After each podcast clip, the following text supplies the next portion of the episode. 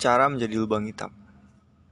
Tujuh jam sebelum ia memutuskan untuk mati, Nora tengah terjun bebas dan tidak ada yang bisa diajak bicara. Harapan terakhir adalah mantan sahabatnya Izzy, yang berada puluhan ribu kilometer jauhnya di Australia. Situasi di antara mereka juga tidak bagus. Ia mengeluarkan ponsel dan mengirim pesan ke Izzy. Hai Izzy, lama tak mengobrol. Kangen nih, bakal luar biasa kalau bisa bertukar pesan. X yang menambahkan X lagi lalu mengirimnya. Dalam semenit Izzy telah sudah membaca pesan itu, Nora menunggu munculan tiga titik dengan sia-sia. Ia berjalan melewati bioskop tempat film Ryan Bailey yang baru tengah diputar malam ini. Film cowboy komedi romantis picisan berjudul Last Chance Saloon. Wajah Ryan Bailey kelihatannya selalu tahu hal-hal mendalam dan penting. Nora menyukainya sejak melihatnya memerankan Plato si pemikir di The Athenians di televisi dan sejak kantor itu berkata dalam sebuah wawancara bahwa dia tengah mempelajari filsafat dia membayangkan mereka berbincang-bincang secara mendalam tentang Henry David Thoreau dari balik kabut uap hot tub pria itu di Hollywood Barat Pergilah dengan percaya diri menuju mimpi-mimpimu, kata Thoreau. Jalani kehidupan yang kau bayangkan. Toreo adalah filsuf favoritnya untuk dipelajari, tapi siapa yang betul-betul bisa pergi dengan percaya diri menuju mimpi-mimpi mereka? Ya selain Toreo sendiri, dia pergi dan tinggal di hutan tanpa melakukan kontak dengan dunia luar hanya untuk duduk-duduk di sana menulis, memotong kayu dan memancing. Tapi kehidupan pada dua abad lalu di Concord, Condor, Massachusetts mungkin lebih sederhana daripada kehidupan modern di Bedford, Bedfordshire. Atau mungkin juga tidak. Mungkin orang betul-betul payah saja dalam kehidupan. Beberapa jam penuh berlalu, ya ingin memiliki tujuan, sesuatu yang yang memberinya alasan untuk eksis, tapi ia tidak punya apa-apa. Bahkan tujuan kecil untuk mengambil obat Mr. Banerjee pun tidak, karena ia telah melakukannya dua hari lalu. Yang mencoba memberi sedikit ruang ke seorang gelandangan tapi sadar ia tak punya uang. Semangat saya, itu mungkin tak akan pernah terjadi. Ujar seseorang. Tak ada yang pernah terjadi batinnya. Justru itu masalahnya.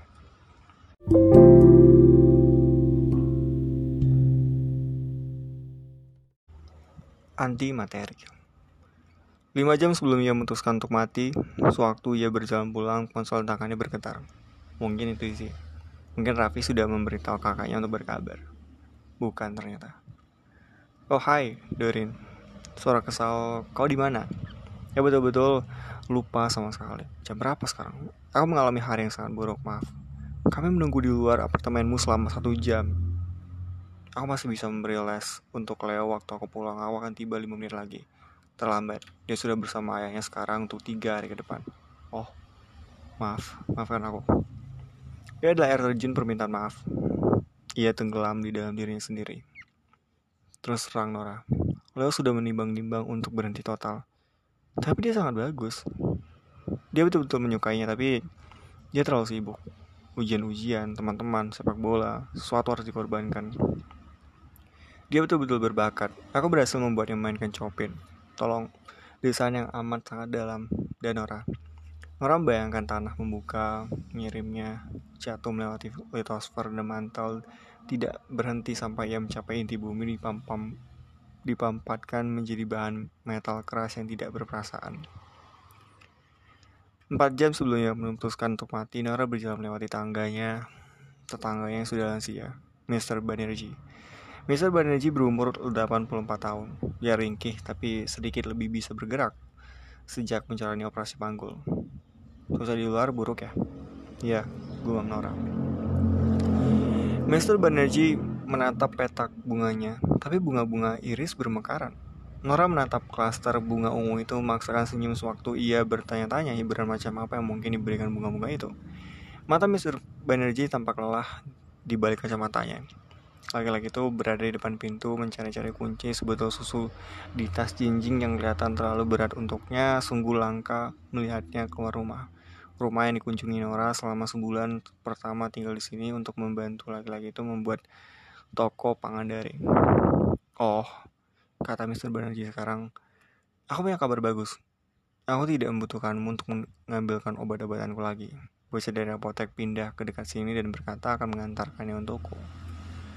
Nora mencoba menjawab tapi tak ada kata-kata yang keluar. Jadi ia hanya mengangguk. Master Banerjee buka pintu, lalu menutupnya kembali menyepi ke tempat pemujaan istri tersayangnya yang sudah almarhum. Selesai sudah. Tidak ada orang yang membutuhkannya. Ia tak berguna bagi semesta. Segera setelah berada dalam pertemanannya, keheningan terasa lebih lantang daripada kebunyian. Bau makanan kucing, mangkuk yang masih tersedia untuk Voltaire, baru dimakan separuh. Ia mengambil air dan menelan dua obat antidepresan dan memandang sisa pilnya berpikir, tiga jam sebelum memutuskan untuk mati, seluruh dirinya terasa sakit oleh penyesalan. Seolah-olah keputusasaan dalam pikirannya entah bagaimana berada di dalam torso dan kaki tangannya juga. Seolah-olah keputusasaan telah menjajah setiap bagian dirinya. Hal itu mengingatkannya bahwa semua orang akan lebih baik tanpa dirinya. Kalau kau dekat-dekat dengan lubang hitam, gaya gravitasi akan menyeretmu ke dalam realitanya yang muram dan gelap. Pikiran itu seperti keram otak yang tiada henti, sesuatu yang terlalu tidak nyaman untuk ditanggung, tapi terlalu kuat untuk dihindari. Ia melihat li ia melihat-lihat media sosialnya. Tak ada pesan, tak ada komentar, tak ada pengikut baru, tak ada permintaan menjadi teman. Ia adalah anti materi, dengan tambahan rasa mengasihani diri. Ia masuk ke Instagram dan melihat semua orang sudah berhasil menemukan cara untuk hidup kecuali dirinya yang menulis status yang tidak jelas di Facebook yang bahkan tak pernah dibakanya lagi. Dua jam sebelum ia memutuskan untuk mati, ia membuka sebotol anggur. Buku-buku filsafat lama menunduk ke arahnya. Pajangan hantu dari hari-harinya di universitas ketika hidup masih memiliki kemungkinan tanaman yuka dan tiga tanaman kaktus mungil dalam pot yang bayangkan menjadi makhluk hidup yang tidak bisa merasa. Duduk seharian dalam pot mungkin ekstensi yang lebih mudah. Ia duduk di depan piano elektrik tapi tidak memainkan apa pun. Ia membayangkan duduk di sebelah Leo mengajarinya prelude in E minor karya Chopin. Kalau diberi waktu, momen-momen bahagia bisa berubah menjadi rasa sakit. Ada ungkapan klise dari seorang musisi tua bahwa tak ada nada yang salah dalam piano. Tapi hidup Nora adalah kegaduhan omong kosong komposisi musik yang bisa saja menuju ke arah-arah yang indah tapi sekarang tidak menuju ke mana-mana. Waktu berlalu dia menerawang. Setelah minum anggur kesadaran menghantamnya dengan kejernihan total yang tidak tercipta untuk kehidupan ini setiap langkah merupakan kesalahan setiap keputusan menjadi bencana. Setiap hari ada salah satu langkah mundur dari sosok yang ia bayangkan bisa dicapainya. Perenang, musisi, filsuf, pasangan, pelancong, glasiolog, bahagia, dicintai. Tak ada. Ia bahkan tidak bisa menjadi pemilik kucing atau guru les piano satu jam seminggu atau manusia yang mampu melakukan percakapan. Tablet-tabletnya tidak mancur, yang menghabiskan anggur semuanya. Aku merindukanmu, ujarnya ke udara. Seakan roh semua orang yang ia sayangi berada di dalam ruangan itu bersamanya. Ia menelpon kakaknya dan meninggalkan pesan suara ketika kakaknya tidak menjawab telepon. Aku menyayangi Buju. Aku hanya ingin kau tahu itu. Tak ada yang bisa aku lakukan. Ini soal aku. Terima kasih sudah menjadi kakakku. Aku menyayangimu. Dah. Hujan mulai turun lagi, jadi dia duduk di sana dengan kerai-kerai terbuka memandang tetesan-tetesan air di kaca jendela. Sekarang pukul 11 lewat 22 menit. Cuma ada satu hal yang diketahuinya secara pasti. Dia tidak ingin mencapai hari esok. Ia berdiri, ia menemukan ballpoint dan secari kertas. Sekarang putusnya adalah waktu yang sangat bagus untuk mati. Siapa pun kamu, aku memiliki semua kesempatan untuk mencapai sesuatu dalam hidupku. Dan aku menghancurkan setiap kesempatan itu dengan kesembronoan dan nasib sialku sendiri. Dunia telah memundur dariku. Jadi sekarang masuk akal kalau aku harus mundur dari dunia. Kalau aku merasa mungkin untuk bertahan, aku akan bertahan. Tapi aku tidak merasa seperti itu. Jadi aku tidak bisa. Aku membuat hidup semua orang lebih buruk. Aku tidak punya apa-apa untuk diberikan. Maafkan aku. Bersikap baiklah terhadap sesama lain. Selamat tinggal.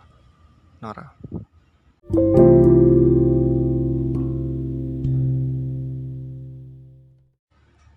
Tengah malam. Mulanya kabut terasa ada di mana-mana hingga ia tidak bisa melihat apa-apa. Sampai perlahan-lahan ia melihat pilar-pilar muncul di kedua sisinya. Ia tengah berdiri di satu jalan, semacam deretan pilar kolam-kolam itu berwarna abu-abu seperti otak dengan percikan biru cemerlang. Kabut menguap seperti roh-roh yang tidak ingin diperhatikan, lalu sebuah bentuk muncul. Bentuk persegi panjang yang kokoh, bentuk bangunan, ukuran gereja atau pasar soalan kecil, Fasadnya dari batu, sewarna pilar-pilar tadi dengan pintu kayu besar di tengah-tengah dan atap yang memberi kesan megah dengan detail rumit dan jam berpenampilan spektakuler di atas pelana depan dengan angka-angka Romawi yang dicat hitam dan jarum-jarumnya menunjuk di tengah malam. Jendela-jendela tinggi yang gelap dan melengkung di bingkai batu bata menonjolkan tembok depan berjarak sama antara satu dengan yang lain Awalnya kelihatannya cuma ada empat jendela, tapi setelah itu jelas ada lima jendela. Ya berpikir, ya pasti salah hitung tadi. Karena tidak ada hal lain di sekitarnya. Dan karena ia tidak punya tempat lain untuk dituju, Nora melangkah pelan-pelan ke arah bangunan itu. Ia melihat tampilan digital di arlojinya.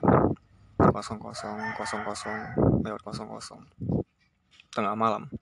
Seperti yang diberitahukan jam dinding ke depan kepadanya. Ia menunggu detik berikutnya, tapi detik itu tak kunjung tiba, bahkan sewaktu ia berjalan lebih dekat ke bangunan itu, membuka pintu kayu melangkah masuk tampilan itu tidak berubah. Entah ada yang salah dengan arlojinya, arlojinya atau ada yang salah dengan waktu. Dalam situasi dan kondisi ini, salah satunya mungkin. Apa yang sedang terjadi, pikirnya. Apa-apaan ini? Mungkin tempat ini memiliki beberapa jawaban, pikirnya sewaktu berjalan masuk. Tempat itu cukup terang dan lantainya dari batu ringan dengan warna antara kuning muda dan coklat muda seperti halaman buku lama, tapi jendela-jendela yang ia lihat di luar tidak ada di dalam. Malah meski baru maju beberapa langkah, ia sudah tidak bisa melihat dinding-dindingnya sama sekali. Sebaliknya, ada banyak rak buku. Berganggang rak buku setinggi langit-langit dan menyebar dari koridor lebar terbuka yang tengah dilalui Nora. Ia berbelok di salah satu gang dan berhenti untuk menatap bingung ke buku-buku yang seperti tak ada habisnya itu. Di mana-mana ada buku. Di rak-rak yang sangat tipis hingga terkesan tak kasat masa, tak kasat mata. Semua buku itu berwarna hijau, warna-warna hijau dalam berbagai gradasi.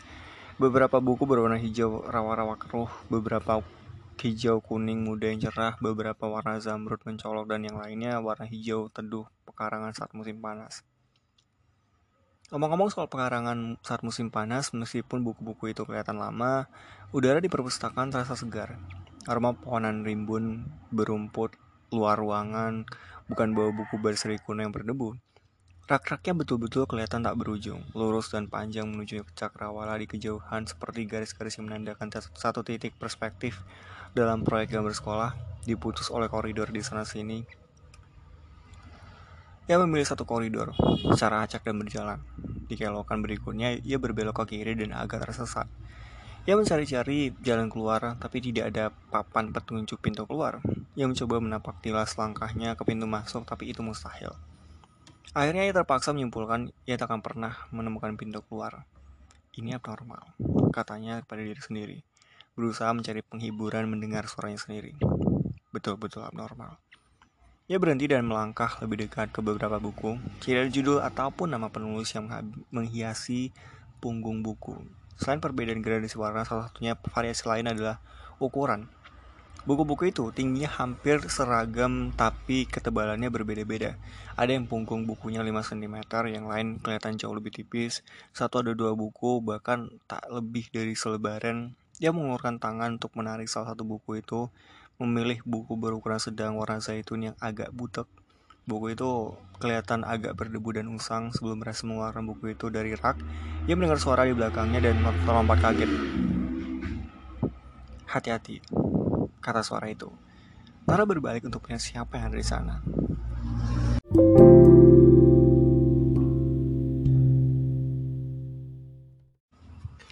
Sang Pustakawati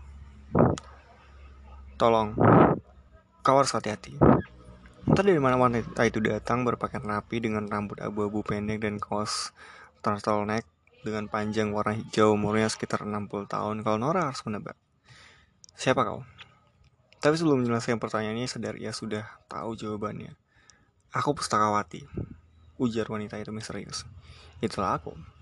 Wajah tampak ramah tapi memiliki kebijaksanaan tegas yang memiliki rambut kelabu pendek dan rapi yang sama seperti dulu dengan wajah yang kelihatan persis sama dengan yang terpatri dalam benak Nora.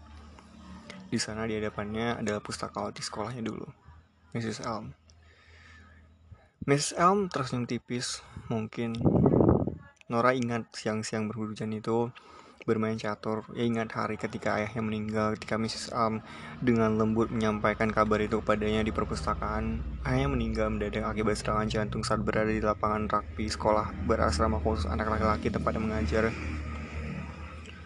Nora mati rasa selama kira-kira setengah jam menatap Nanar ke permainan catur yang belum selesai. Kenyataan itu terasa terlalu besar untuk diserap awalnya, tapi lalu menghantamnya dengan keras dan dari samping menggulingkannya dari jalur yang dikenalnya. Ya memeluk Miss Alm, rat-rat menangis ke leher naik kaos Miss Alm sampai wajahnya perih gara-gara campuran air mata dan akrilik. Mrs. Elm memeluknya, mengusap dan membelai belakang kepalanya seperti bayi tidak menawarkan kata-kata klise, penghiburan basi atau apa pun selain keprihatinan. Ia ingat suara Mrs. Elm yang memberitahunya waktu itu. Segalanya akan membaik, Nora. Semua akan baik-baik saja. Lebih dari satu jam kemudian, barulah ibu Nora datang menjemputnya kakak laki-laki yang terpaku dan kebas di kursi belakang. Nora duduk di kursi depan di sebelah, di sebelah ibunya yang gemetaran dan membisu. Mengatakan ia mencintai ibunya tapi tidak mendapat balasan apa pun.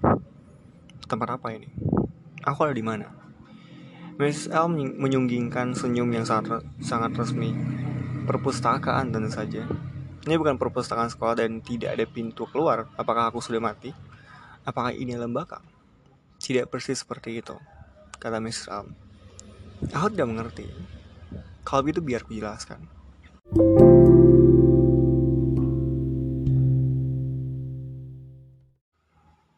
Perpustakaan tengah malam.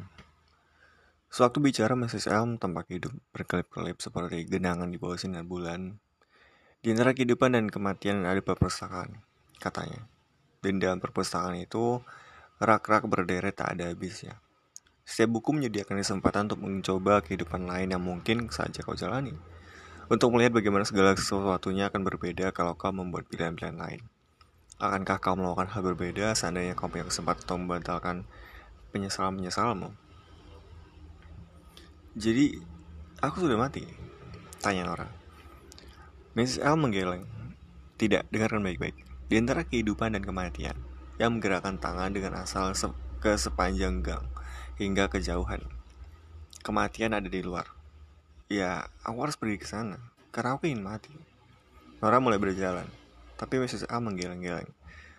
Kematian tidak bekerja seperti itu. Kenapa tidak? Rupanya bahkan kematian pun bukan sesuatu yang bisa dilakukan Nora dengan benar. Perasaan itu familiar.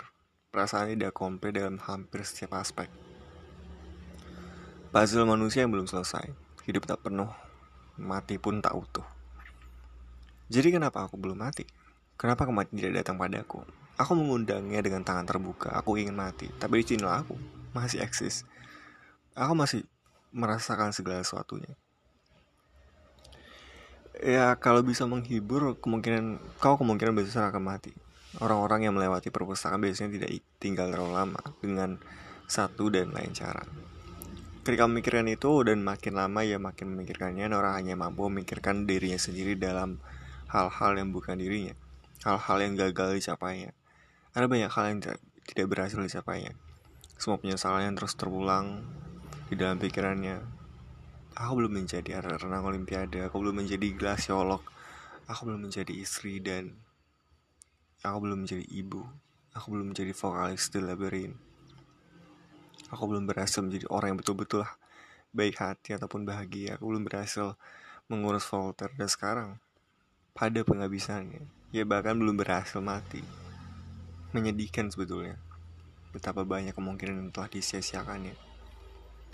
Selama perpustakaan tengah malam berdiri Nora kau akan dijauhkan dari kematian. Sekarang kau harus memutuskan bagaimana kau ingin hidup